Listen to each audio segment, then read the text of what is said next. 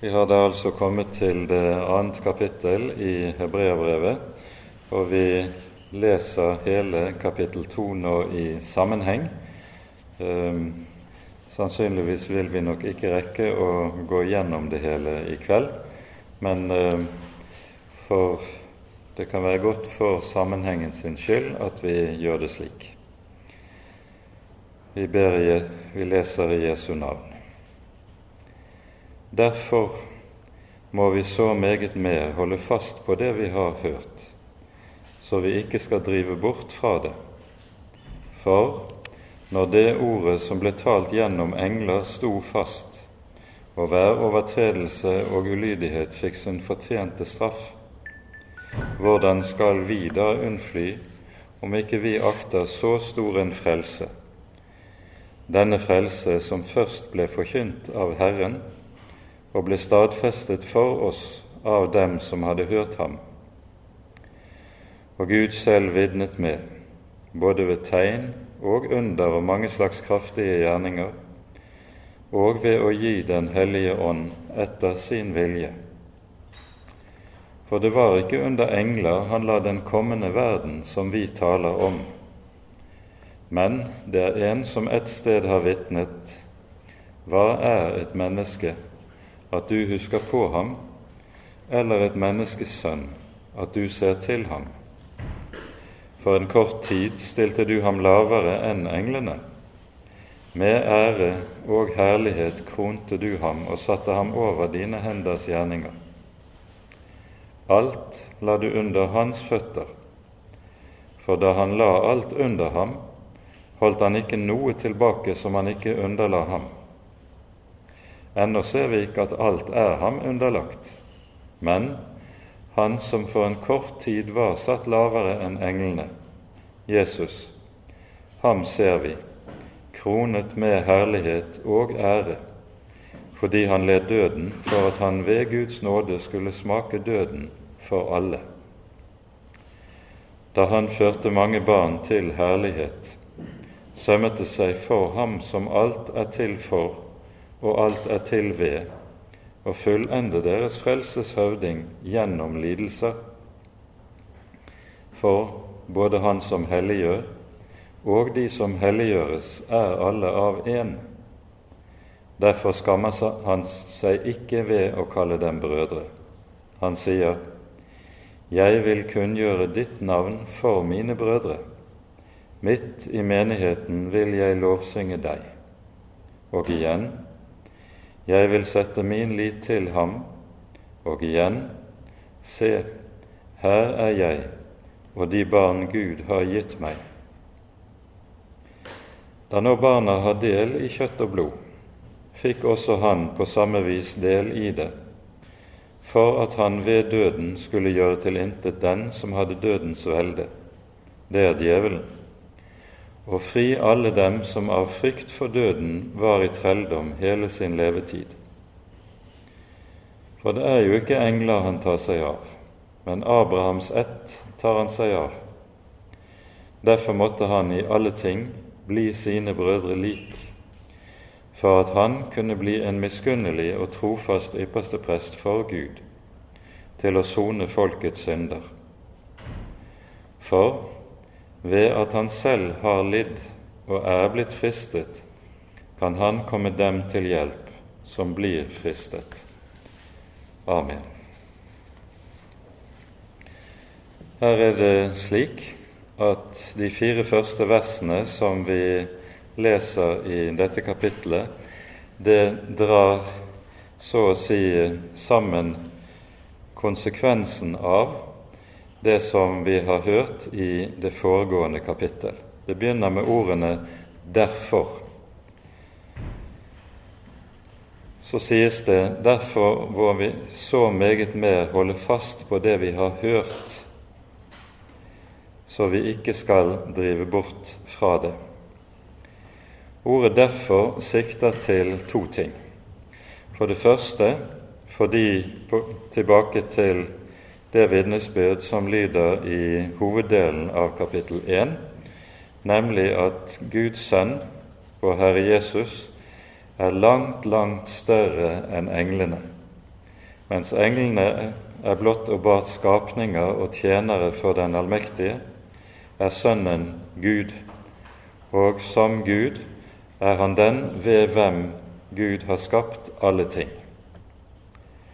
For det annet er det slik at ordet 'derfor' viser tilbake til det vi hører i innledningsordene her i kapittel 1, nemlig når det sies etter at Gud fordum i fordums tid mange ganger og på mange måter hadde talt til fedrene gjennom profetene, har han nå i disse siste dager talt til oss gjennom Sønnen.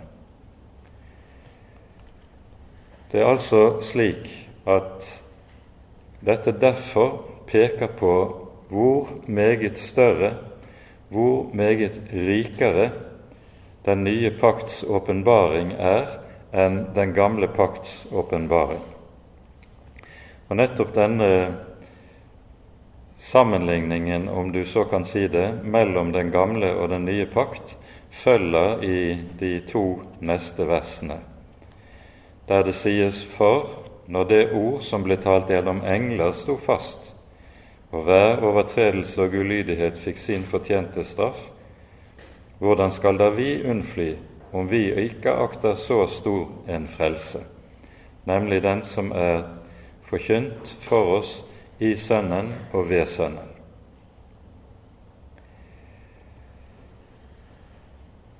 Det sies vi må så meget mer holde fast på det vi har hørt, og hensikten er for at vi ikke skal drive bort. Og Det som ligger i dette, det er en advarsel mot frafallet. Ordet som er oversatt med 'å drive bort', det er et ord som eh, bokstavelig betyr å flyte bort. Det taler om f.eks. en trekubbe som ligger på vannet, og så fører strømmen den hit eller dit, alt ettersom. Og slik er det en kristent menneske kan føres på avveie av de strømninger som han står oppe i, dersom han ikke har et fast anker. Og nettopp bildet av det å ha et fast ankerfeste anvendes i Hebreabrevet i det sjette kapittel. Vi kommer til å komme tilbake til det. Men hva som ligger i dette ankerfestet, det er det vi hører her. Vi må gi akt på det vi har hørt. Denne formaningen den møter vi en rekke ganger senere hen i Hebreabrevet både i kapittel 5 og 6 og videre ut i kapittel 10 og kapittel 13 dukker lignende formaninger opp, formaninger som handler om å gi akt på det som en har hørt. Tankegangen er at det evangelium som er gitt oss til frelse, det er ikke et budskap en vokser ut av eller skal utvikle seg videre fra, slik at en ikke lenger trenger det. Tvert imot er dette det budskapet som vi lever av og ved så lenge vi er her i verden. For at vi ikke skal drive bort ifra det, sies det. Og med dette så beskrives frafall under eh, et bilde som er viktig for oss å være oppmerksom på. De færreste frafall er noe som skjer så å si i et øyeblikk over natten. De fleste frafall er noe som skjer gradvis gjennom en gradvis og umerkelig utvikling i et menneskes hjerteliv på en slik måte at det til slutt, kanskje uten selv å være klar over det, driver bort og kommer på fall. Det er denne advarsel som her holdes frem for oss, like som for de som var de første adressater til brevet. Og Det som kan gjøre et frafall til virkelighet gjennom en slik gradvis prosess, det er noe som kan møte ethvert kristent menneske på ulike områder. Det første vi her skal kanskje peke på, det er selvfølgelighetens fare. Det at en ser på sin egen kristenstand og sin egen nådestand hos Jesus som en selvfølge. Da innebærer det at når en hører budskapet i evangeliet, så møtes det med en viss opplevelse av kjedsomhet. Man syns det er kjedelig å høre det som en tidligere har hørt, og så ønsker man å høre noe nytt i stedet. Og denne trangen til stadig å høre noe nytt, det er vel nærmest blitt en sykdom i vår tid. Vi møter den forbilledlig allerede i Det gamle testamentet under Israels ørkenvandring. I eh, Fjerde Mosebok, i det 21. kapittel, hører vi at Israel etter en lang ørkenvandring klager på Moses, klager på Herren over mannaen. Det er så kjedelig med denne maten. Vi ønsker noe annen mat enn dette som Gud har holdt oss oppe ved gjennom hele ørkenvandringen. Og så knurrer de og klager de på maten Herren gir dem. På samme måte så kan en møte kristne mennesker for hvem budskapet i evangeliet er blitt en slik selvfølge at nå er en lei av det. Nå har en lyst til å høre noe nytt, og så byr religionsmarkedet på tallrike predikanter som kan komme med store, nye og sensasjonelle ting som vekker nysgjerrighet og oppmerksomhet. Det gamle budskap vil en ikke lenger høre. Dette er begynnelsen til frafall, og det er helt nødvendig å være klar over og være oppmerksom på det. Det som sies her, det er Gi akt på det dere har hørt. Gi dere ikke på leting etter alt mulig nytt. I, eh, vi hører i innledningen til Judas brev at det sies følgende Dere kjære, mens jeg var ivrig opptatt med å skrive til dere om vår felles frelse, fant jeg det nødvendig å skrive til dere for å formane dere til å stride for den tro som en gang for alle er overgitt til de hellige. Det er et budskap som er gitt oss en gang for alle. Og dette budskapet er den mat Gud har gitt oss å leve av her i verden. Og Derfor er det slik at evangeliet og den rette forkynnelsen av evangeliet, det er noe en kristen trenger så lenge han lever her i verden. Hvorfor er det slik? Årsaken er at evangeliet aldri er noe som vi egentlig kan. Evangeliet er aldri noe som vi kan beherske, og derfor så å si kan ha det i lommen.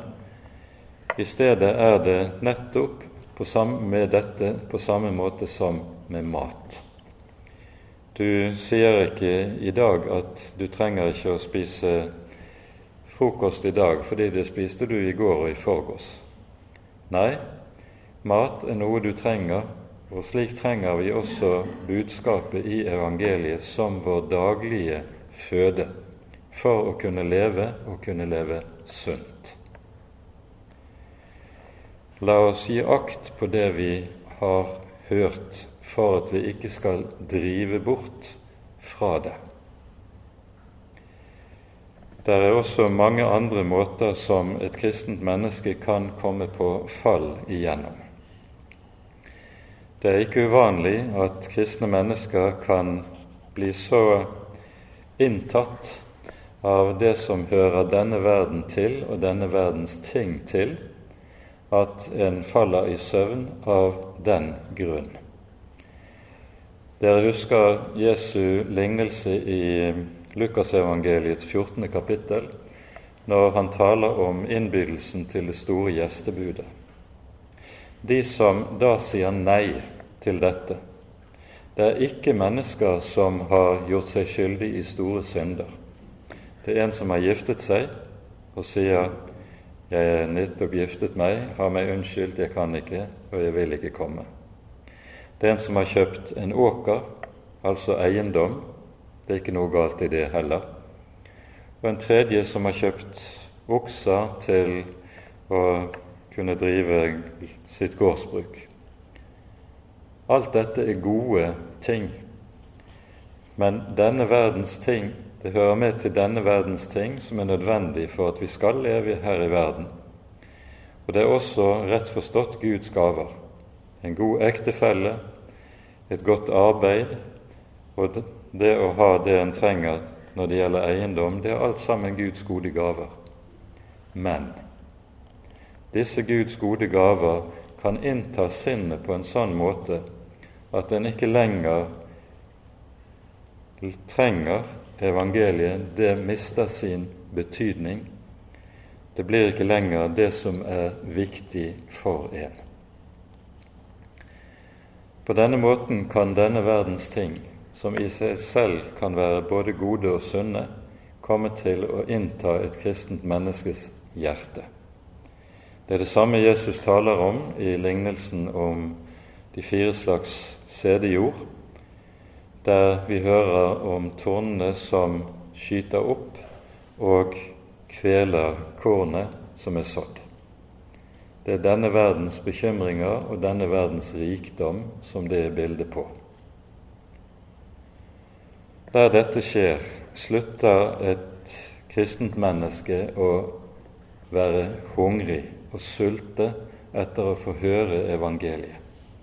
Det blir ikke lenger viktig for ham. Det blir ikke lenger det som har aller mest betydning i livet. Det kommer i bakgrunnen, og så blir det så mange andre ting som inntar plassen i stedet. Her i denne sammenheng må vi også nevne den fare som hører med, som en side ved det at kristentroen og evangeliet blir en selvfølge for en. Og det er egenrettferdigheten. Men vi har en ubendig trang til å bygge vår kristenstand og vår barnekår på noe i vårt eget liv og våre egne hjerter. Og der, der er en type egenrettferdighet som har det med seg at en er såre fornøyd med sin egen kristendom. En syns en får til å leve som kristen. Der er ikke stort av synder i livet ens. Og eh, det går noenlunde greit med både bibellesning og bønn og alt det andre. Så blir en trygg, selvfornøyet og etter hvert så selvrettferdig at en glir bort. Evangeliet er ikke lenger det en trenger fremfor noe annet.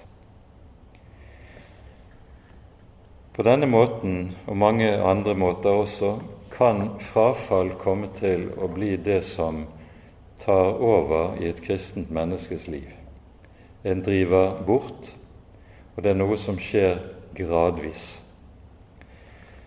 Og det gradvise henger uløselig sammen med at det å høre ikke lenger er det viktigste. Det å høre evangeliet er ikke det som er viktig fremfor alt annet. I de neste versene står det slik Når det ord som ble talt gjennom engler, sto fast, og hver overtredelse og ulydighet fikk sin fortjente straff, hvordan skal vi da unnfly om vi ikke akter så stor en frelse? Når det taler om det ord som ble talt av engler, så sikter det til de ti bud. De ti bud kalles i Det gamle testamentet ikke med betegnelsen de ti bud, men det kalles for de ti ord. Og det sies en rekke steder i eh, Bibelen at disse ti Guds ord, som vi hører i 2. Mosebok 20. kapittel, de ble gitt ved engler som formidlere eller menn, mellom menn.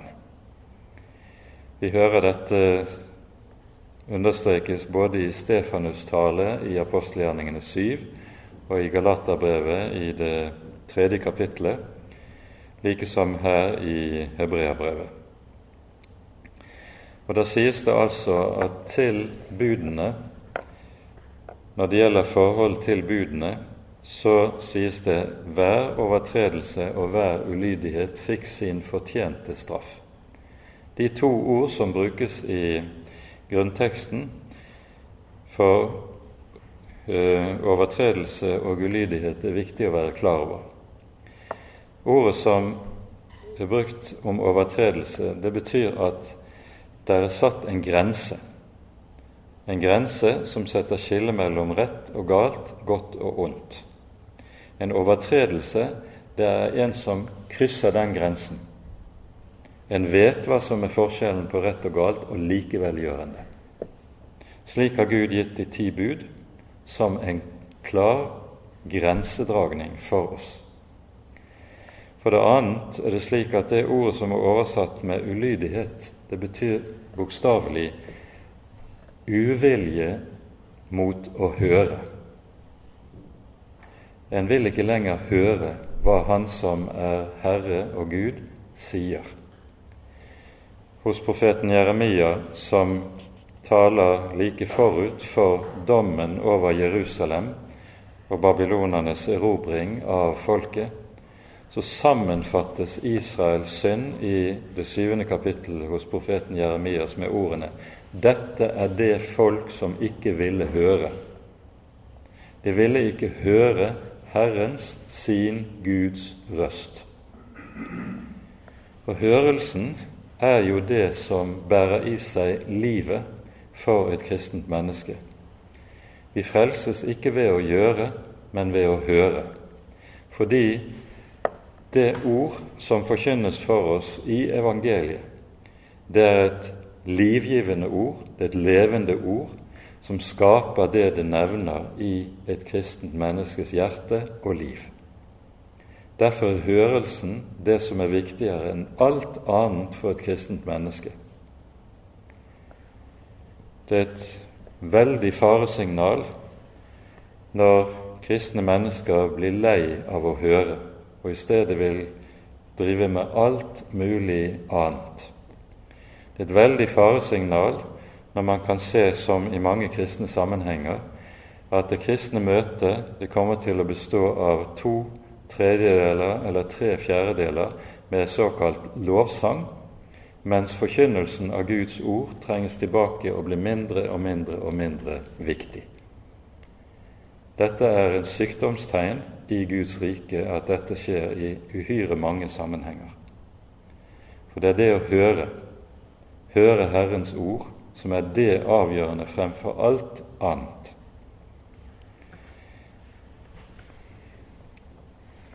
så sies det altså når synd mot Guds lov slik får sin fortjente straff, hvor meget alvorligere er det ikke om en synder imot og ikke er lydig mot det budskap som vi hører om i foregående kapittel.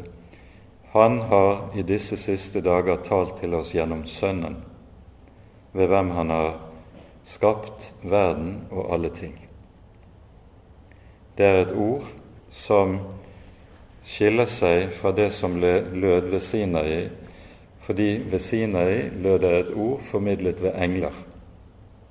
Med evangeliet kommer der et ord som gis oss av den levende Gud selv idet han trer inn i verden og kler seg i vårt kjøtt og blod.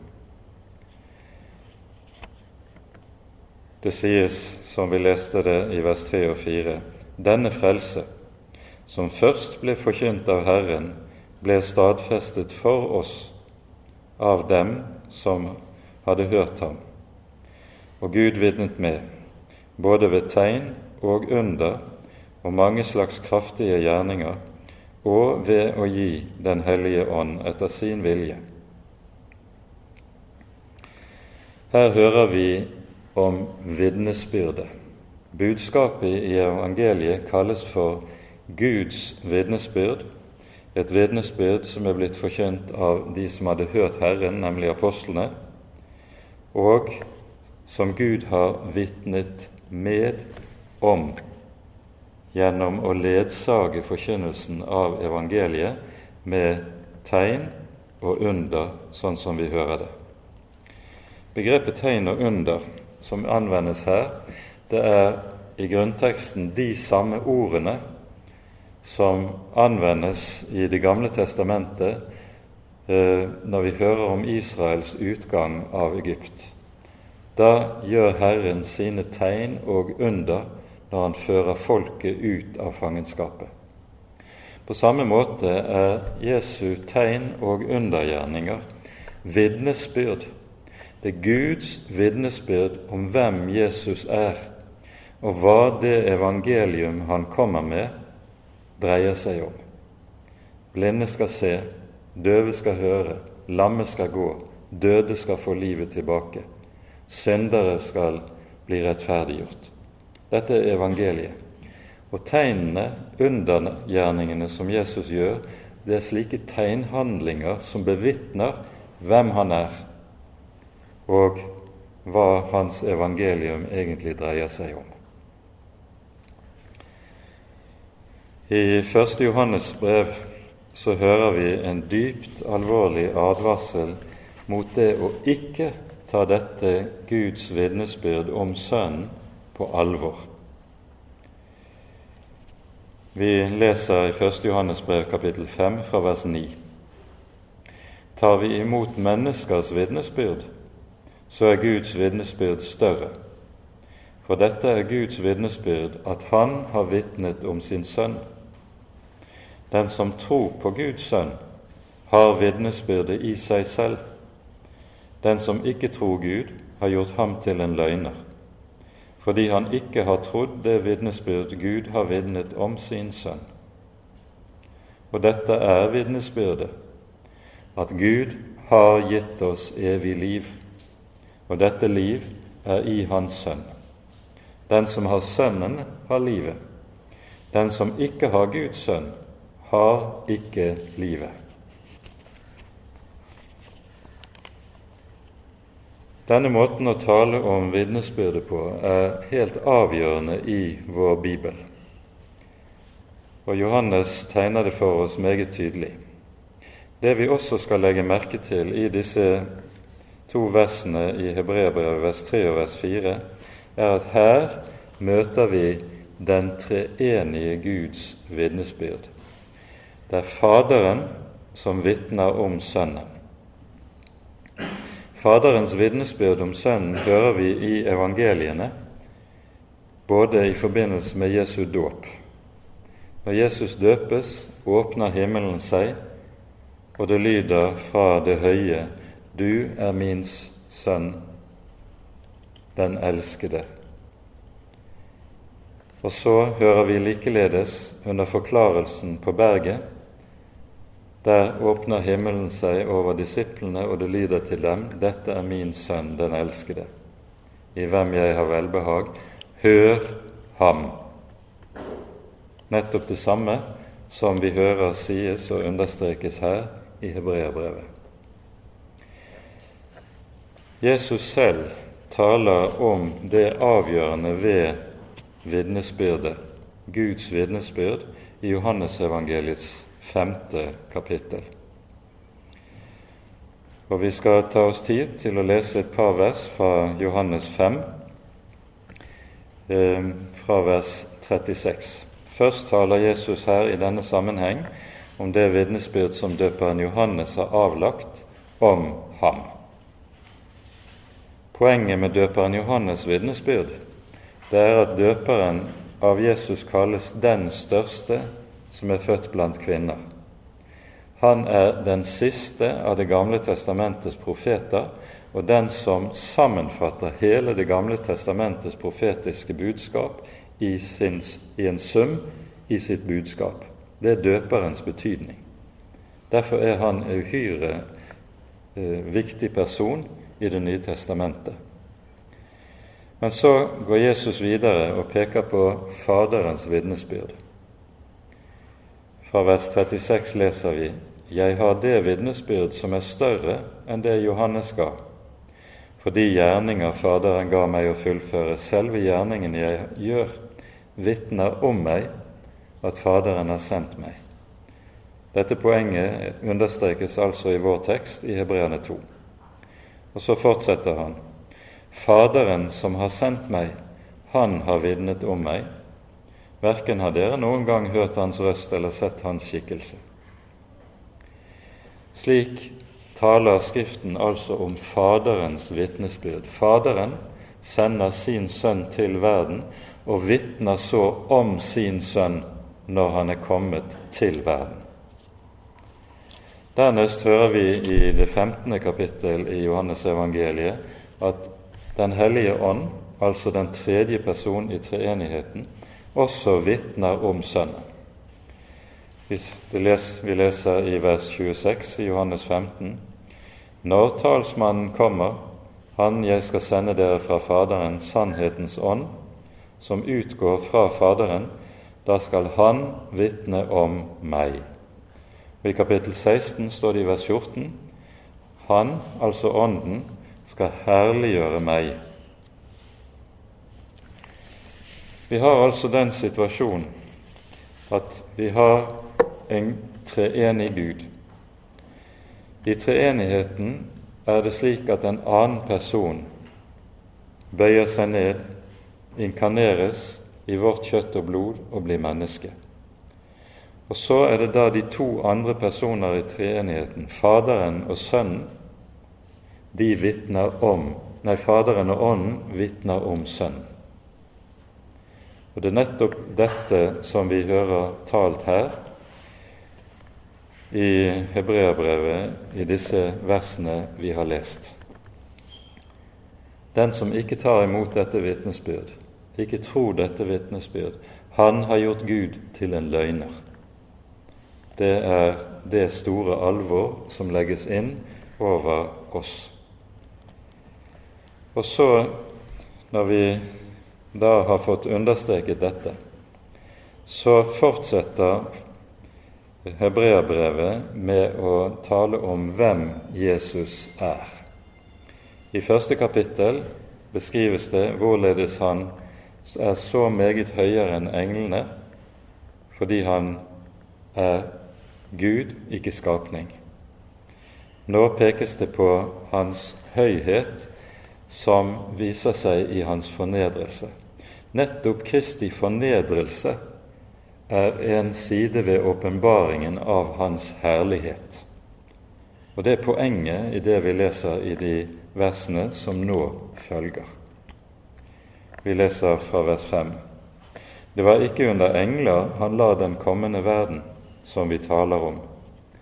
Men det er en som et sted har vitnet, hva er et menneske, at du husker på ham, eller et menneskes sønn at du ser til ham. For en kort tid stilte du ham lavere enn englene. Med ære og herlighet kronte du ham og satte ham over dine henders gjerninger. Alt la du under hans føtter. For da han la alt under ham, holdt han ikke noe tilbake som han ikke underla ham. Her hører vi at det siteres fra Salme 8. Det er en salme som taler om Guds storhet i skaperverket. Herre vår Herre, når jeg ser din himmel, stjernene, solen og månen som du har skapt, hva er da et menneske at du kommer ham i hu? Og du gjorde ham lite ringere enn englene. I skapelsen innsatte Gud mennesket til å være konge så å si Guds viseregent på den skapte jord. Det lyder etter at Gud skaper det første mennesket du skal råde over fuglene under himmelen, dyrene på marken, fiskene i vannet, Og all jorden legger Gud under mennesket. Dette herredømmet over skaperverket som mennesket var skapt til, det ødelegges ved syndefallet, på en slik måte at menneskets herredømme over den skapte verden stadig sterkere utstrekning viser seg som et ødeleggende herredømme. Mennesket ødelegger den natur som Gud har satt det inn i. Og slik kommer det til syne at mennesket dypest sett av synden er blitt umenneskelig i forhold til det det opprinnelig var skapt til å være. Derfor er det også slik at det etter syndefallet kun er ett menneske som er sant menneske i skapelsens betydning av ordet, og det er vår Herre Jesus Kristus. Han er det ene mennesket som er uten synd, som ikke er underlagt fallets og syndefallets herredømme. Og Derfor har han det ene mennesket som nettopp som menneske har rett til å innta herredømme over skaperverket som mennesket ble skapt til i begynnelsen. Det er tankegangen her i Hebreabrevet. Jesus er det sanne mennesket. Alle vi andre vi er dypt umenneskelige av synden og fallet. Han er det sanne mennesket, og derfor har han også den rett som Gud ga i forbindelse med skapelsen. Så trer han altså inn i verden som det sanne mennesket. Alt la Faderen under hans føtter. Men så følger det i vers 8. Ennå ser vi ikke at alt er ham underlagt. Jesus sier som konklusjon på sitt jordiske virke det, Når han opphøyes til Faderens høyre hånd, så sier han meg er gitt all makt i himmel og på jord. Dette mener Bibelen helt bokstavelig. Det er Jesus som har makten i skaperverket. Men vi ser det ikke. Vi ser enda ikke at alle ting er ham underlagt. For oss å se kan det virke som at det er djevelen som er den som har herredømme i verden, ikke den allmektige. Men Skriften lærer oss altså noe annet. Han har makten, selv om vi ikke kan se det, og dermed heller ikke kan forstå det. Nå ser vi enda ikke at alle ting er ham underlagt. Men som kristne skal vi øve oss i å regne med at alle ting er i Hans hånd, og alle ting er ham underlagt, selv om ting går helt annerledes enn vi mener det burde gjøre dersom Gud hadde, virkelig hadde makten. Ennå ser vi ikke at alt er ham underlagt, sies det. Men han som for en kort tid var satt lavere enn englene, Jesus, ham ser vi.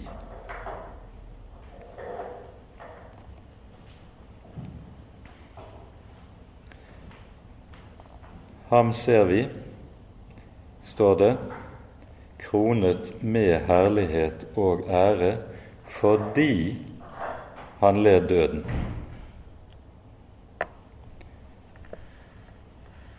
Her brukes det et underlig uttrykk.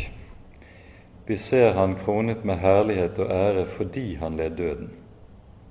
Dette svarer til det som Jesus sier ved innledningen til sin lidelse. Vi hører i innledningen til hans ypperste prestelige bønn, så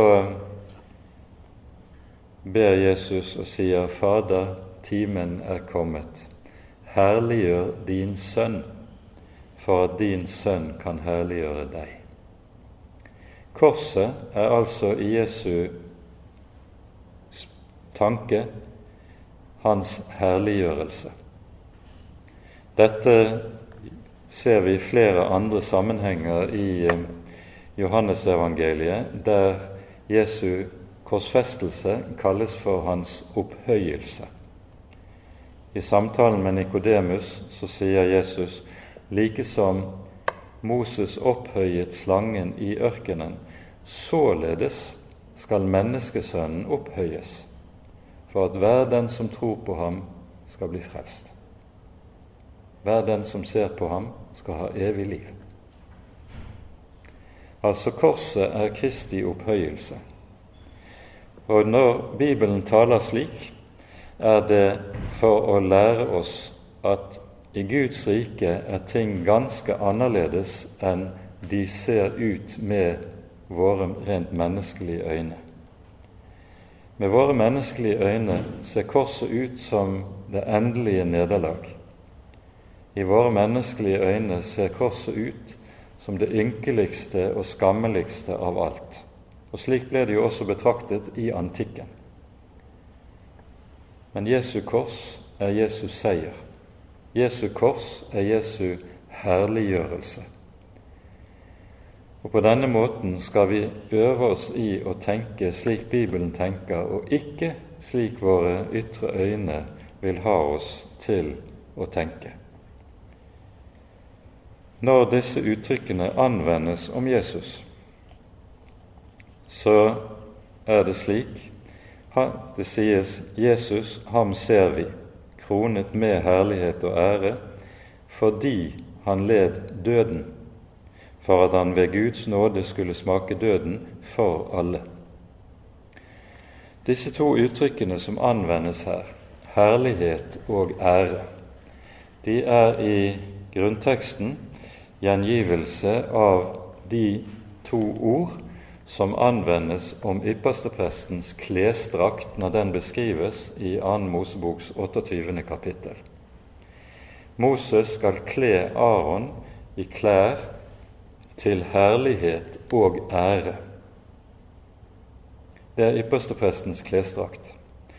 Og med det som her sies, at han led døden kledd i herlighet og ære, det foregriper det som er noe av det viktigste i hebreerbrevets budskap, nemlig budskapet om at Jesus er vår ypperste prest.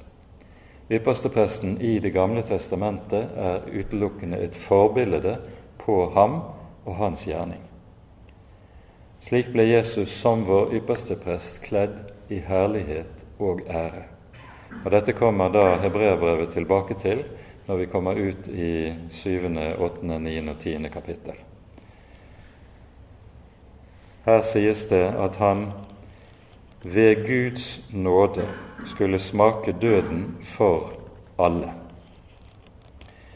Og Her bruker vår bibel altså uttrykket 'for', for alle. Og Den greske preposisjonen betyr 'istedenfor'. Og med det så møter vi nettopp det som er det sentrale i budskapet om Jesu død. Når han lider døden, så er han stedfortreder. Han er stedfortrederen som lider døden i ditt og i mitt sted.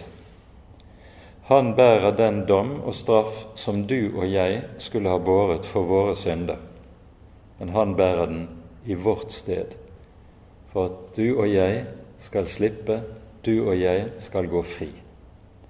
Han er stedfortrederen.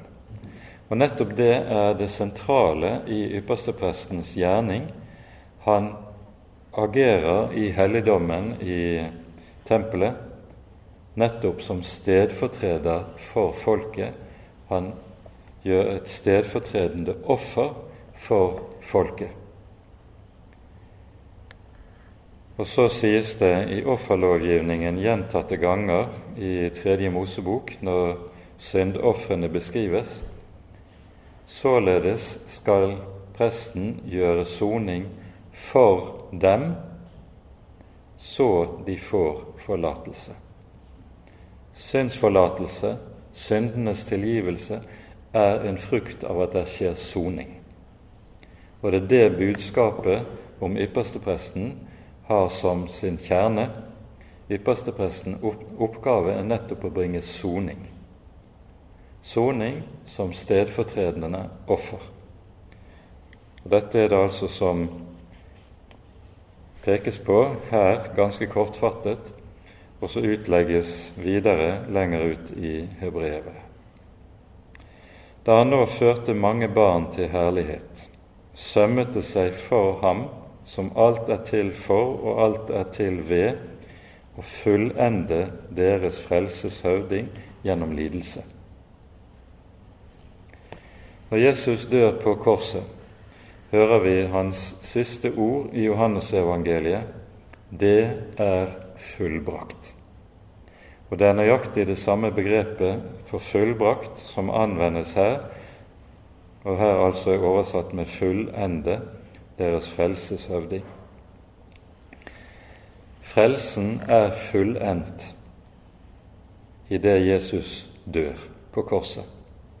Før det er frelsen enda ikke ferdig, den er enda ikke fullbrakt, men nå, i det han dør, er den fullendt. Og ved det er Kristi tittel som frelses høvding også blitt fullført, sånn som vi hører det her, i, det formuleres i verset. Det sies at dette sømmet seg for Gud, han som gjør dette. Det betyr at dette er i overensstemmelse med Guds vesen. Guds vesen kommer nettopp til uttrykk i og åpenbares i det som skjer i Kristi død på våre vegne på korset. Her åpenbares nemlig Guds kjærlighet. Skriften sier Gud er kjærlighet. Men denne kjærlighet er en kjærlighet som konsekvent åpenbarer seg i offeret. Gud viser sin kjærlighet mot oss derved at Kristus døde for våre synd, for oss mens vi enda var syndere, skriver Paulus i Romane 5. Og I 1. Johannes brev uttrykkes det på lignende vis at Gud viser sin eller åpenbarer sin kjærlighet ved å gi sin sønn til soning for våre synder. 1. Johannes brev, kapittel 4. Korset er den egentlige og grunnleggende åpenbaring av Guds kjærlighet at Gud er kjærlighet. Det er en kjærlighet som har kostet Gud usigelig mye å skjenke oss og gi oss. Det har kostet ham hans sønns liv og død i skam. Det har kostet ham hans sønns liv og død under vreden. Det har kostet ham hans sønns liv og død under byrden av våre synder. Alt dette hadde kostet den levende Gud å gjøre dette. Det er en kjærlighet som ofrer, og som gir seg selv. Og Derfor er det også slik at all tale om Guds kjærlighet som ikke taler om Jesu kors, den blir misvisende. Fordi det er korset som er den egentlige åpenbaring av Guds kjærlighet. Så fortsetter hebreerbrevet med å peke på hva dette betyr. I vers 11 står det 'for'. For både Han som helliggjør, dvs. Si Jesus, og de som helliggjøres, nemlig oss, er alle av én, nemlig av Gud. Faderen er den som helliggjør ved Sønnen, og han helliggjør oss. Og I hebreerbrevet er det slik at selve frelsen beskrives som helliggjørelse.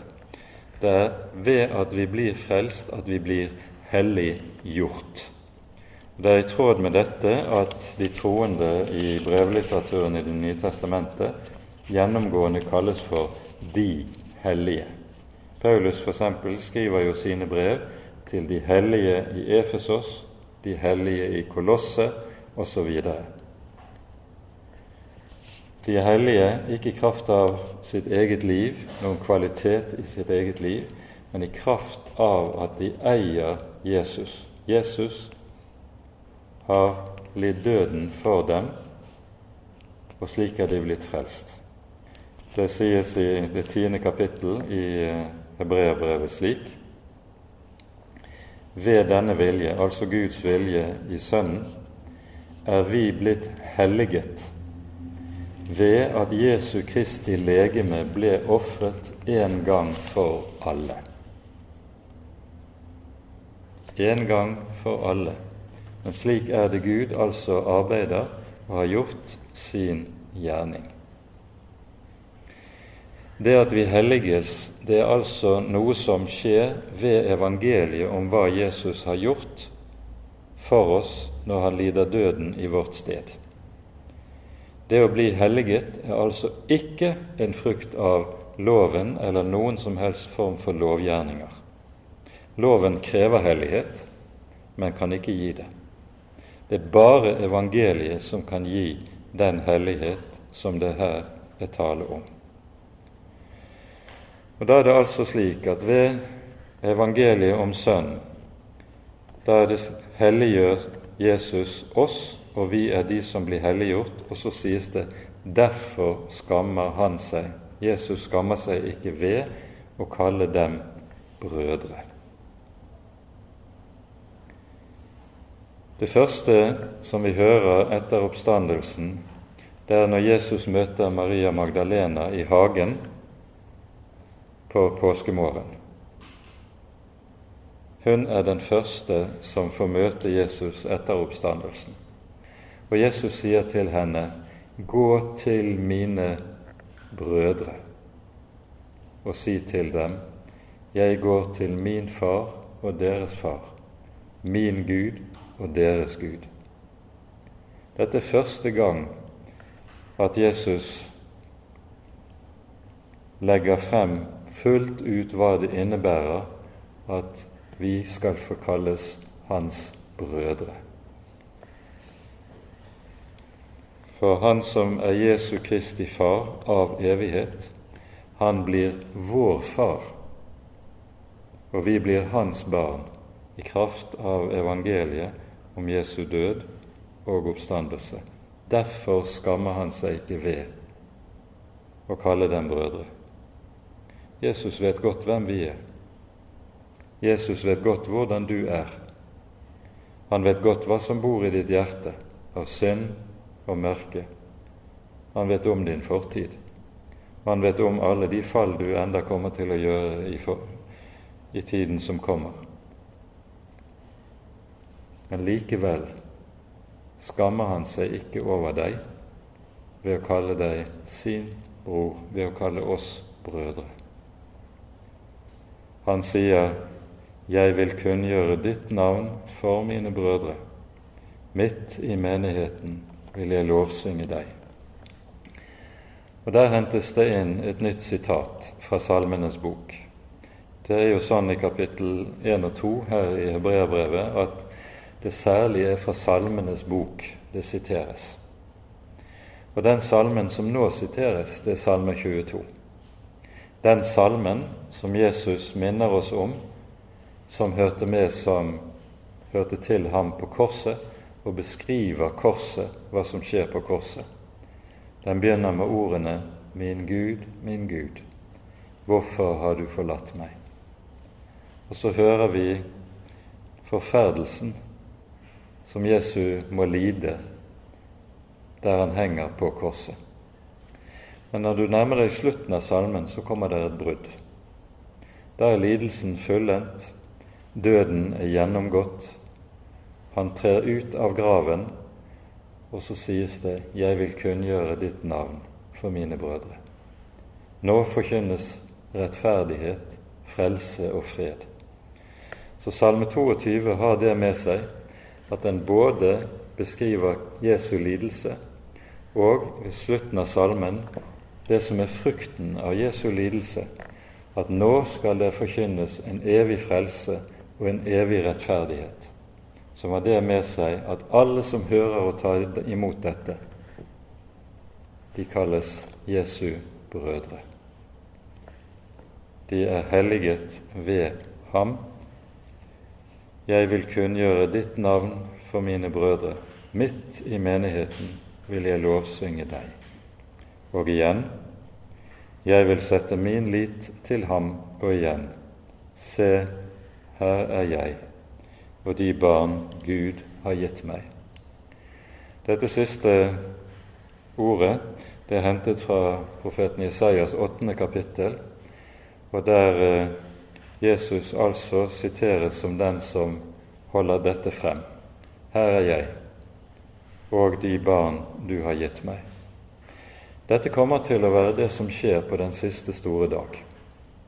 På dommens dag, da skal Jesus hente alle dem som har kommet til tro på ham, og tre frem for den allmektiges hellige trone med disse og si:" Se, her er jeg, og de barn du har gitt meg. Fordi Jesus har sagt at 'den som kjennes ved meg for menneskene, ham vil jeg kjennes ved for min Fader i himmelen'. Det er det Jesus gjør når han trer frem på den siste dag og sier 'Se, her er jeg, og de barn du har gitt meg'. Jesus kjennes ved dem. Den tanke som ligger i dette, det er, at et, er den at ethvert Guds barn er bibelsk sett en Guds gave til Jesus. Når Jesus går inn i sin lidelse og sin død, som er langt dypere og mørkere enn vi noen gang er i stand til å forstå, så har han utbedt seg en lønn fra Faderen. Han vil ha lønn for det han har gjort. Han vil ha lønn for sitt arbeid. Og hva er den lønn han har ønsket seg? Han vil ha syndere til den. Syndere som han får lov til å frelse, rettferdiggjøre og helliggjøre. Og dette er det rette perspektiv på det å være et Guds barn. Du som tror på Jesus, du er en Guds gave, en Faderens gave, til Sønnen en gave som sønnen har ønsket seg og bedt Faderen om å få. Denne sønnens bønn til Faderen den eh, møter vi i Davidssalme 2, eh, der Faderen sier til Sønnen Be meg, og jeg vil gi deg hedningene til arv. Det har Sønnen gjort. Han har bedt Faderen, og så har Faderen gitt ham den gave han ba om. I Johannesevangeliet så møter vi denne tankegangen om igjen og om igjen. Jesus ber i sin ypperste prestelige bønn jeg tror det står hele fem ganger i kapittel 17 i Johannesevangeliet at Jesus ber for alle de Faderen har gitt ham. Det er en tanke som er nokså fremmed for oss. Du hører det ikke ofte lyde i forkynnelsen. Men det er helt sentralt i Jesu tale om hva som er Guds barns kår, vilkår og stand for Gud. Du og jeg er Guds egen gave til Sønnen. Han har ikke ønsket seg noe annet enn syndere som han kan få lov til å frelse rense, rettferdiggjøre og føre hjem til sin herlighet. Det er det budskapet hebreerbrevet her holder frem for oss. Dette er frukten av Jesu lidelse. Og da er det sannelig noe som er så stort og så rikt at vi skal minne hverandre om dette må aldri gå oss av minne. Det må aldri bli noe som vi glemmer eller forakter eller tar som en selvfølge. Minst av alt er dette en selvfølge, og dette er det største av alle under. Ære være Faderen og Sønnen og Den hellige ånd, som var og er og være skal en sann Gud, høylovet i evighet. Amen.